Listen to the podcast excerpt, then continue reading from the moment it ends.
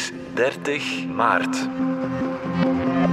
Dit is vandaag de dagelijkse podcast van de Standaard. Ik ben Alexander Lippenveld. Frankrijk staat in rep en roer sinds president Emmanuel Macron een pensioenhervorming doorduwde. Jong en oud komen op straat en de betogers beloven Macron een nieuwe mei 68 of een spreekwoordelijke bestorming van de Bastille. Nochtans moeten ze maar tot 64 jaar werken. Dat is nog steeds drie jaar minder dan de wettelijke pensioenleeftijd in België. Waarom zijn de Fransen zo kwaad en wat betekent het voor Macron en voor zijn regering?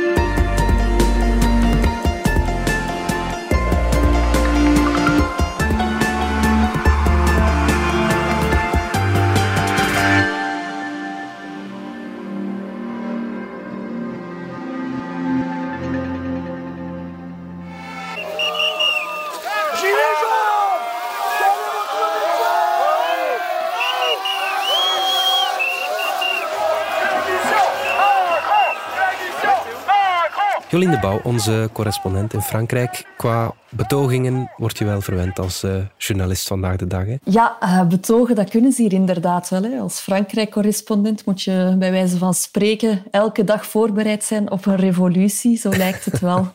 ja, ja, ja, inderdaad. Dinsdag was er weer een nationale betoging. Het is al de tiende op een redelijk korte tijd. Hè? Ja, sinds begin dit jaar eigenlijk, de tiende.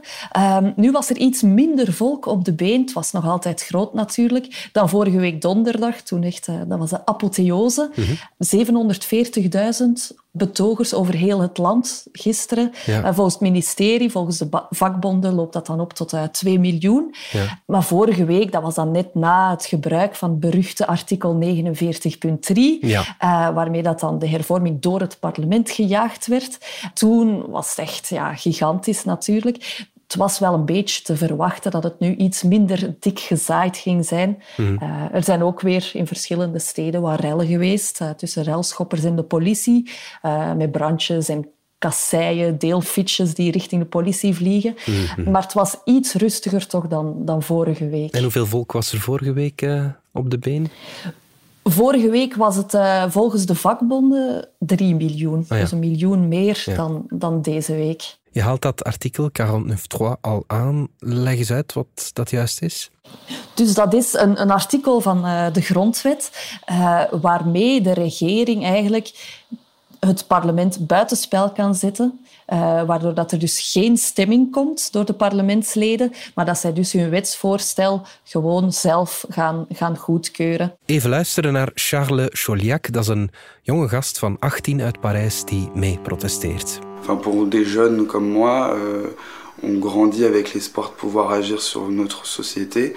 Et quand on voit que de toute façon les décisions sont prises sans euh, consulter euh, les gens qui composent cette société, bah, ça nous enlève toutefois en, en la possibilité de pouvoir changer les choses. D'accord.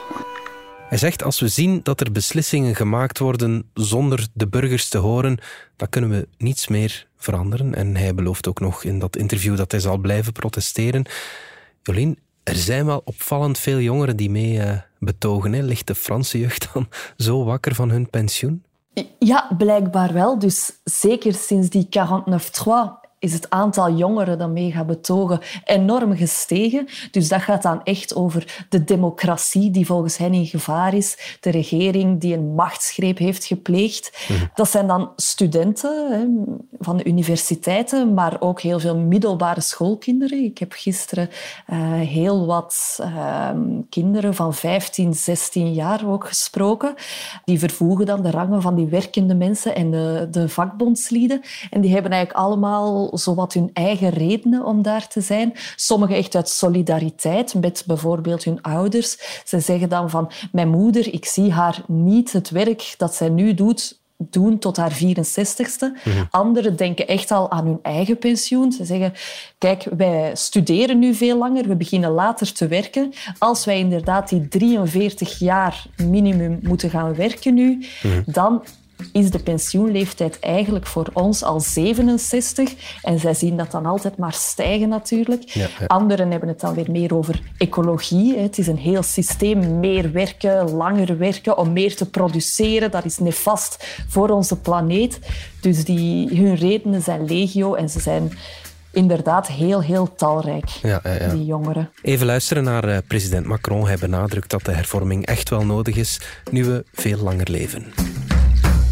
Au moment où moi je suis rentré dans la vie active, il y avait 10 millions de retraités. Il y en a aujourd'hui 17 millions. Dans les années 2030, il y en aura 20 millions. Est-ce que vous pensez qu'on peut continuer avec les mêmes règles? On rentre de plus en plus tard dans la vie professionnelle. On vit, et c'est une chance, de plus en plus tard. Nog even naar de, naar de feiten kijken. Hè. Wat stelt uh, president Macron exact voor? Ja, want je zou inderdaad bijna gaan vergeten dat het om pensioenen gaat soms. Ehm, waardoor de meeste Fransen dus op hun paard zitten nu, is dat hij de wettelijke pensioenleeftijd wil optrekken van 62 naar 64 jaar. En je zal dus, zoals ik net ook al zei, 43 jaar gewerkt moeten hebben om een volledig pensioen te krijgen. Ja. Dus dat zijn eigenlijk de dingen waar ze zo kwaad van worden. Mhm. En voor hem, Macron dus, is dat de oplossing om de vergrijzing tegen te gaan en om heel die pensioenen ook betaalbaar te houden, mhm. want die zijn nu een serieuze financiële put aan het slagen. Hij heeft daar wellicht ook een punt, want uh, voor elke gepensioneerde werken in Frankrijk nu nog maar twee mensen. En 70 jaar geleden waren dat er nog uh, vier. Mhm. Verder staan in die hervormingen dan een paar uh, toegiftes om die ongemakken wat te, te, verzachten. Dus het minimumpensioen gaat omhoog naar 1200 euro. Er mhm. komen speciale regelingen toch nog voor mensen met een zwaar beroep, zoals militairen, verplegers enzovoort. En ook voor mensen die heel jong zijn beginnen werken, hebben ze gezegd, die gaan echt niet moeten werken tot hun uh, 62. Dan hebben die veel te lang gewerkt. Maar bon, die, die toegevingen die helpen duidelijk niet om de colère over die 64 jaar af te koelen. Ja, want als we daar met een Belgische bril naar, uh, naar kijken, 62, dat is heel erg uh, vroeg. Hè? Ook in Europees perspectief denk ik dat dat toch heel vroeg is. Hoe, hoe komt dat? Wel, als ik dat zeg, inderdaad, op betogingen tegen de mensen van kijk, wij in België, wij werken tot onze 67, dan kijken ze ook altijd vol medelijden naar mij. Ja. Uh, en zeggen ze ook vaak van, jullie zijn gewoon een beetje gek om niet harder te strijden voor jullie rechten. Ja. En zoals je zegt, in, in Europa, er zijn maar een vijftal landen waar mensen op hun 62 of 61 of 60 op pensioen mogen. En... Um, Zoals collega Bart Beirland uh, vorige week ook in een artikel schreef, zijn de Fransen er vooral sinds uh, François Mitterrand, die de pensioenleeftijd heeft verlaagd van 65, wat het uh, ooit was, naar 60. Nu zijn de Fransen daardoor heilig van overtuigd dat er genoeg tijd moet zijn om te genieten.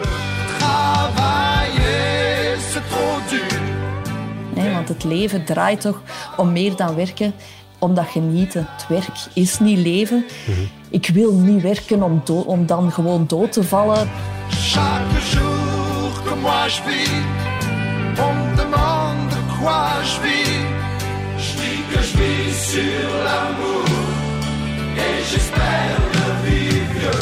Travailler, c'est trop duur. Je haalt die betaalbaarheid van het uh, pensioenstelsel al aan. Is die toestand dan zo dramatisch dat, uh, dat dit moet gebeuren?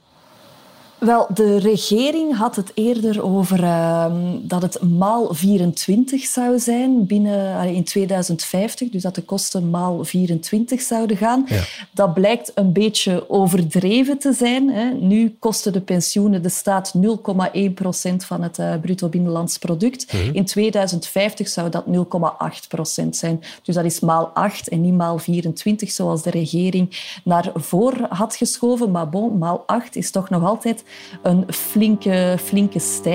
Donc cette réforme, elle est nécessaire. Et je le dis aux Français, ça ne me fait pas plaisir, j'aurais voulu ne pas la faire, mais c'est pour ça aussi que j'ai pris l'engagement de la faire devant vous, par le sens des responsabilités. Et c'est l'intérêt général. Maar maal acht, dan zeggen die tegenstanders toch wel van... zijn er echt geen andere manieren om die put te vullen dan door de mensen langer te laten werken? Mm -hmm. uh, zeker nu, met de inflatie, nu de gewone mens toch al stevig getroffen wordt door uh, allerlei crisissen. Maar bon, daar willen de regeringen Macron duidelijk niet, uh, niet van weten. En wat stellen zij dan voor? Ze stellen veel voor. Hè. Dat, dat, hangt een beetje ook van de politieke strekking af. Maar meestal is het, ga meer de, de bedrijven belasten. Hè. Die, die grote bedrijven, de overwinsten eh, steviger gaan belasten. Dat zijn dan meer van die oplossingen die zij voorstellen. Maar laat het niet op de nek van de gewone, hardwerkende arbeider terechtkomen. Ja, dan komt, uh, komen de Bernard Arnaults van Frankrijk eh, in het vizier, kan ik me ja, Zeker. Ja, ja, ja. Halverwege vorige week probeerde Macron zijn landgenoten nog eens te overtuigen van zijn pensioenhervorming en zijn goede bedoelingen via een televisietoespraak. Even luisteren. Au moment où je vous parle, est-ce que vous pensez que ça me fait plaisir de faire cette réforme? Dites-le nous. Non. Est-ce que vous pensez que j'aurais pas pu faire comme tant avant moi, mettre la poussière sous le tapis?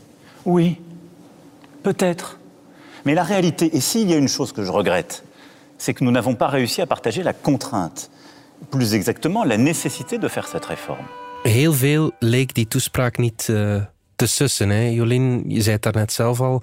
Het gaat niet enkel over het behoud van die pensioenleeftijd. Het gaat over veel meer en vooral over de president zelf. Ja, en inderdaad, die toespraak heeft dan eigenlijk nog een beetje olie op het vuur gegooid. Hè. Het was een typische Macron-toespraak. Nog eventjes gaan zeggen aan de Fransen waarom het nu zo belangrijker is. En ook van, ik zal luisteren, maar ik ga niets veranderen. Mhm. En inderdaad, zoals je zegt, die pensioenleeftijd, oké, maar het gaat ook echt over de president en dat zie je, dat zie je in, die, in die betogingen. Hè. Mhm. Dat was ook het geval, hè. het komt je misschien bekend voor, uh, een tijdje geleden al. Uh, ik ben ook gaan kijken op een, eh, op een geblokkeerd rond punt nu in Picardie, mm waar in der tijd gele hesjes stonden. Mhm. Wat je daar een aantal jaar geleden op die ronde puntjes hoorde, dat waren krak dezelfde argumenten en frustraties als degene die je nu hoort. En zeker nu dat de regering met die 49.3 het parlement buitenspel heeft gezet, is die woede echt zich nog meer gaan richten op Macron. En waarom heeft hij het eigenlijk dan via die 49-3 gedaan? In zijn vorige mandaat had Macron een absolute meerderheid in de Assemblée Nationale. Mhm. uh, nu heeft hij dat niet meer, waardoor hij altijd op zoek moet gaan naar stemmen bij andere partijen om die absolute meerderheid voor grote veranderingen, voor grote hervormingen te kunnen doorvoeren. In het linkse blok in het parlement hoeft hij niks te verwachten, mhm. Eh, want die zijn echt zeer radicaal tegen Macron en alles wat hij, wat hij wil bereiken. Extreem rechts natuurlijk ook uitgesloten. Daar moet hij ook niet gaan zoeken. Dus er werd echt gekeken naar uh, Les Républicains, de conservatieven. Mhm. Die konden zich zeker in dit debat met de pensioenen nog wel aansluiten bij, die, bij het presidentiële kamp. Maar bon, heel die Républicains, dat is ook een beetje een boeltje geworden. Die zijn enorm verdeeld. Dus uh, Macron en zijn troepen hebben dagenlang stemmen zitten tellen en zitten rekenen. En ze zijn tot de conclusie gekomen van we gaan er niet komen of het gaat echt te nipt zijn. En mislukken was eigenlijk geen optie. Dus hup, 49-3 en de hervorming uh, is erdoor. Ja, is dat iets dat vaak gebruikt wordt, die 49-3? Ja, het is nu al de elfde keer dat uh, Elisabeth Borne het gebruikt. En die is nog geen jaar premier, dus uh, ja. Klopt, ja, Maar andere regeringen hebben dat, hebben dat ook al gebruikt.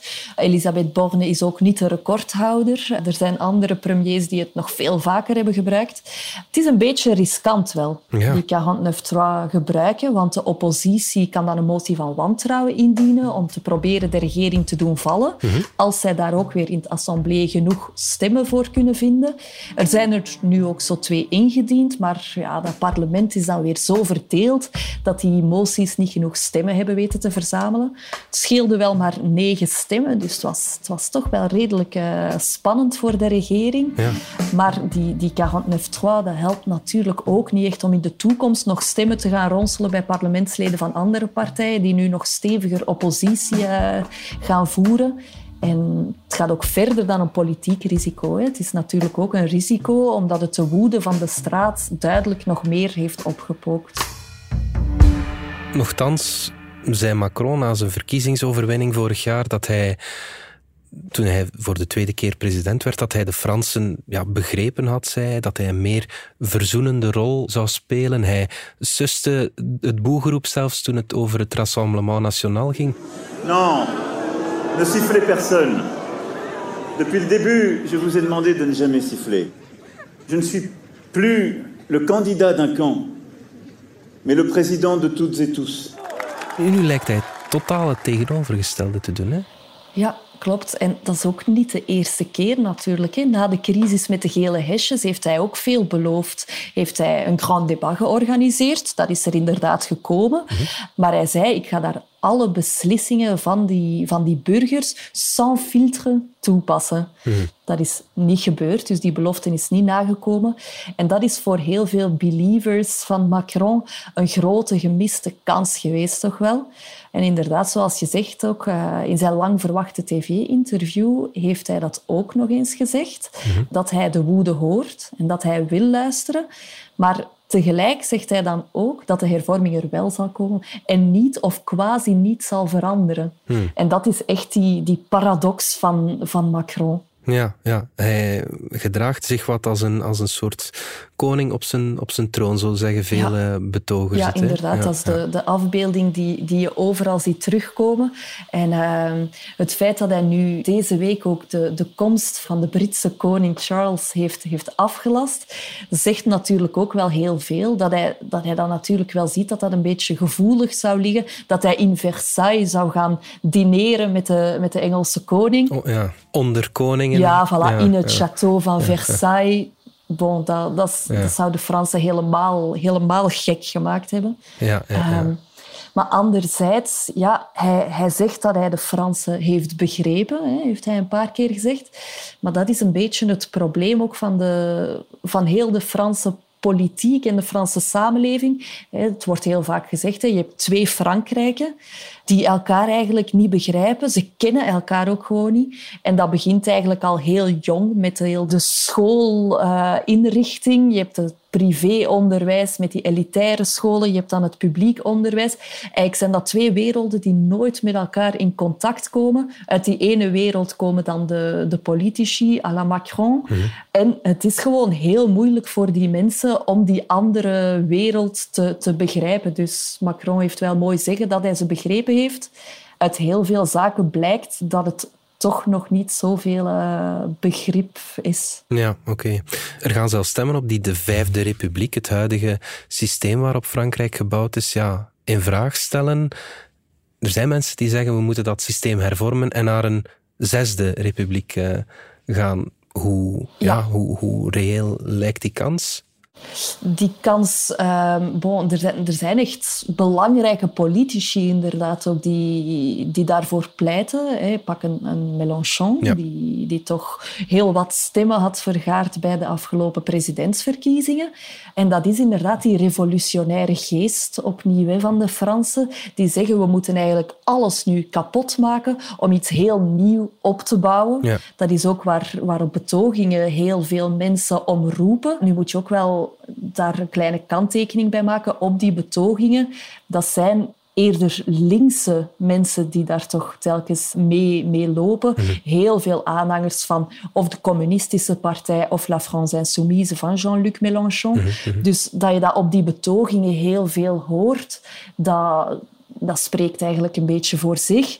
Of dat dat echt een idee is dat breder gedragen wordt in heel de Franse samenleving, dat valt nog wel te betwijfelen. En dat zou betekenen dat de president minder machtig wordt. Daar komt het eh, eigenlijk op neer. Ja, ja, ja. Dat, dat zou dat kunnen betekenen. Hoe die Zesde Republiek zou ingevuld kunnen worden, dat staat natuurlijk nog niet vast.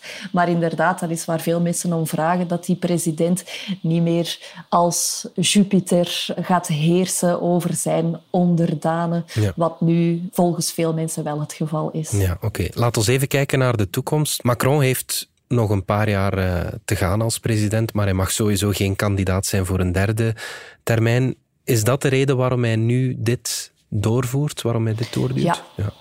Ja, ongetwijfeld. Hè. Eh, Het, is, het is nu het moment om het te doen. Hij kan inderdaad niet meer herverkozen worden. Dus dat zijn populariteit nu klappen krijgt, is à la limiet niet zo erg.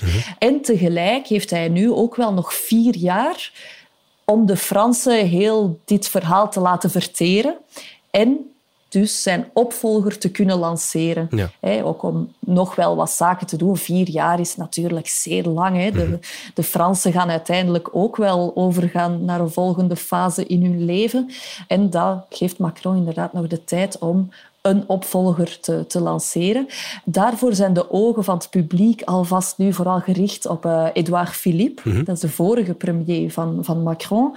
En die heeft zich nogal strategisch tijdens heel dit pensioendebat nogal op de achtergrond gehouden.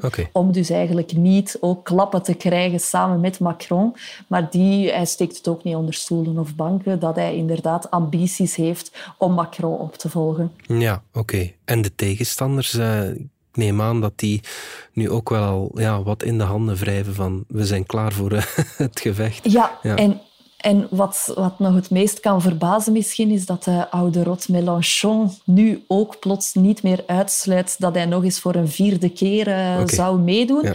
Avoir natuurlijk, mhm. want dan is hij ook al 75, wat toch al een, een serieuze leeftijd is. En zeker ver voorbij de pensioenleeftijd. Ja. Voilà, zeker Mélenchon wil die op 60, uh, eh, dus dan is 75 er serieus over. Maar die zou dus misschien ook wel opnieuw willen meedoen, zeker nu heel dit pensioen debat heeft hem weer serieus aangewakkerd in zijn strijdvaardigheid. Dan bij de socialisten is er momenteel nog, nog geen afgetekende kandidaat. En ik gok ook een beetje dat die, heel die NUPS-alliantie met die uiterst linkse LFI en met de communisten, hm. de socialistische partij, niet in dank gaat worden afgenomen door een groot deel van hun, van hun eh, kiezers. Hm, hm, en dat geldt ook een beetje voor de, voor de Groene Partij. Dus die hebben nog vier jaar uh, om heel wat werk te verzetten als zij echt een tegenkandidaat willen, willen lanceren. En dan is er natuurlijk uh, Marine Le Pen van Rassemblement National. En zij steekt ook de ambitie niet onder stoelen of banken. Zij wil nog altijd in het Elysée terechtkomen. Mhm. En zij is ook tijdens die pensioendebatten heel, heel discreet gebleven. Zij zit mee in het assemblée, waar het allemaal nogal ontploft is tijdens die debatten. Maar dat was dan vooral de meerderheid tegen dat linkse blok, hmm. waar dat echt serieus um, geknald is geweest en die het een beetje in, uh, in chaos hebben doen ontaarden. En Marine Le Pen, die toch soms de, de kandidaten van de chaos werd genoemd, zij zat te lachen en ze zag het allemaal voor haar ogen gebeuren zonder dat zij iets moest doen, zonder dat zij eigenlijk haar handen moest vuilmaken. Zij weet natuurlijk ook, mijn achterban, dat zijn ook vooral hardwerkende mensen mhm. die, dit, die deze pensioenen niet willen. Maar ik kan hier gewoon zitten terwijl de anderen uh, chaos creëren. En ik kan hier tonen, kijk hoe rustig ik en mijn achterban zijn. Wij zijn echt wel in staat om het land op een serene manier te gaan regeren binnen, binnen vier jaar. Dat is heel haar strategie. Uh, en nu lijkt het er toch op dat die strategie vruchten zou kunnen afwerpen. Ja, oké. Ik dacht dat de pensioendiscussie bij ons al moeilijk was, maar in Frankrijk eh, is het nog een is andere. Is alles moeilijker. Ja, Voilà, voilà. Ga je nog een aantal betogingen moeten verslaan, Jolien, denk je? Of, uh... Ja, volgende week donderdag is stakingsdag nummer 11. Okay. Uh, en counting natuurlijk. Maar de kans bestaat, dat zag je nu deze week ook wel al, en dat is waar de regering en Macron natuurlijk een beetje op rekenen, dat die protesten een beetje gaan doodbloeden, hmm. nu de hervorming er toch is doorgeduwd en het lijkt alsof er niet veel meer gaat kunnen bewegen. Ja, oké. Afwachten uh, wat dat geeft. Jolien de Bouw, dankjewel. Graag gedaan. Dit was vandaag de dagelijkse podcast van de Standaard. Bedankt voor het luisteren. Volg ons op Spotify, Apple Podcast of eender welk ander podcastplatform. In onze gratis FDS podcast kan je niet alleen ons werk beluisteren, maar ook de beste podcasttips terugvinden. Alle credits van de podcast die je net hoorde vind je op standaard.be-podcast. Reageren kan via podcast.standaard.be.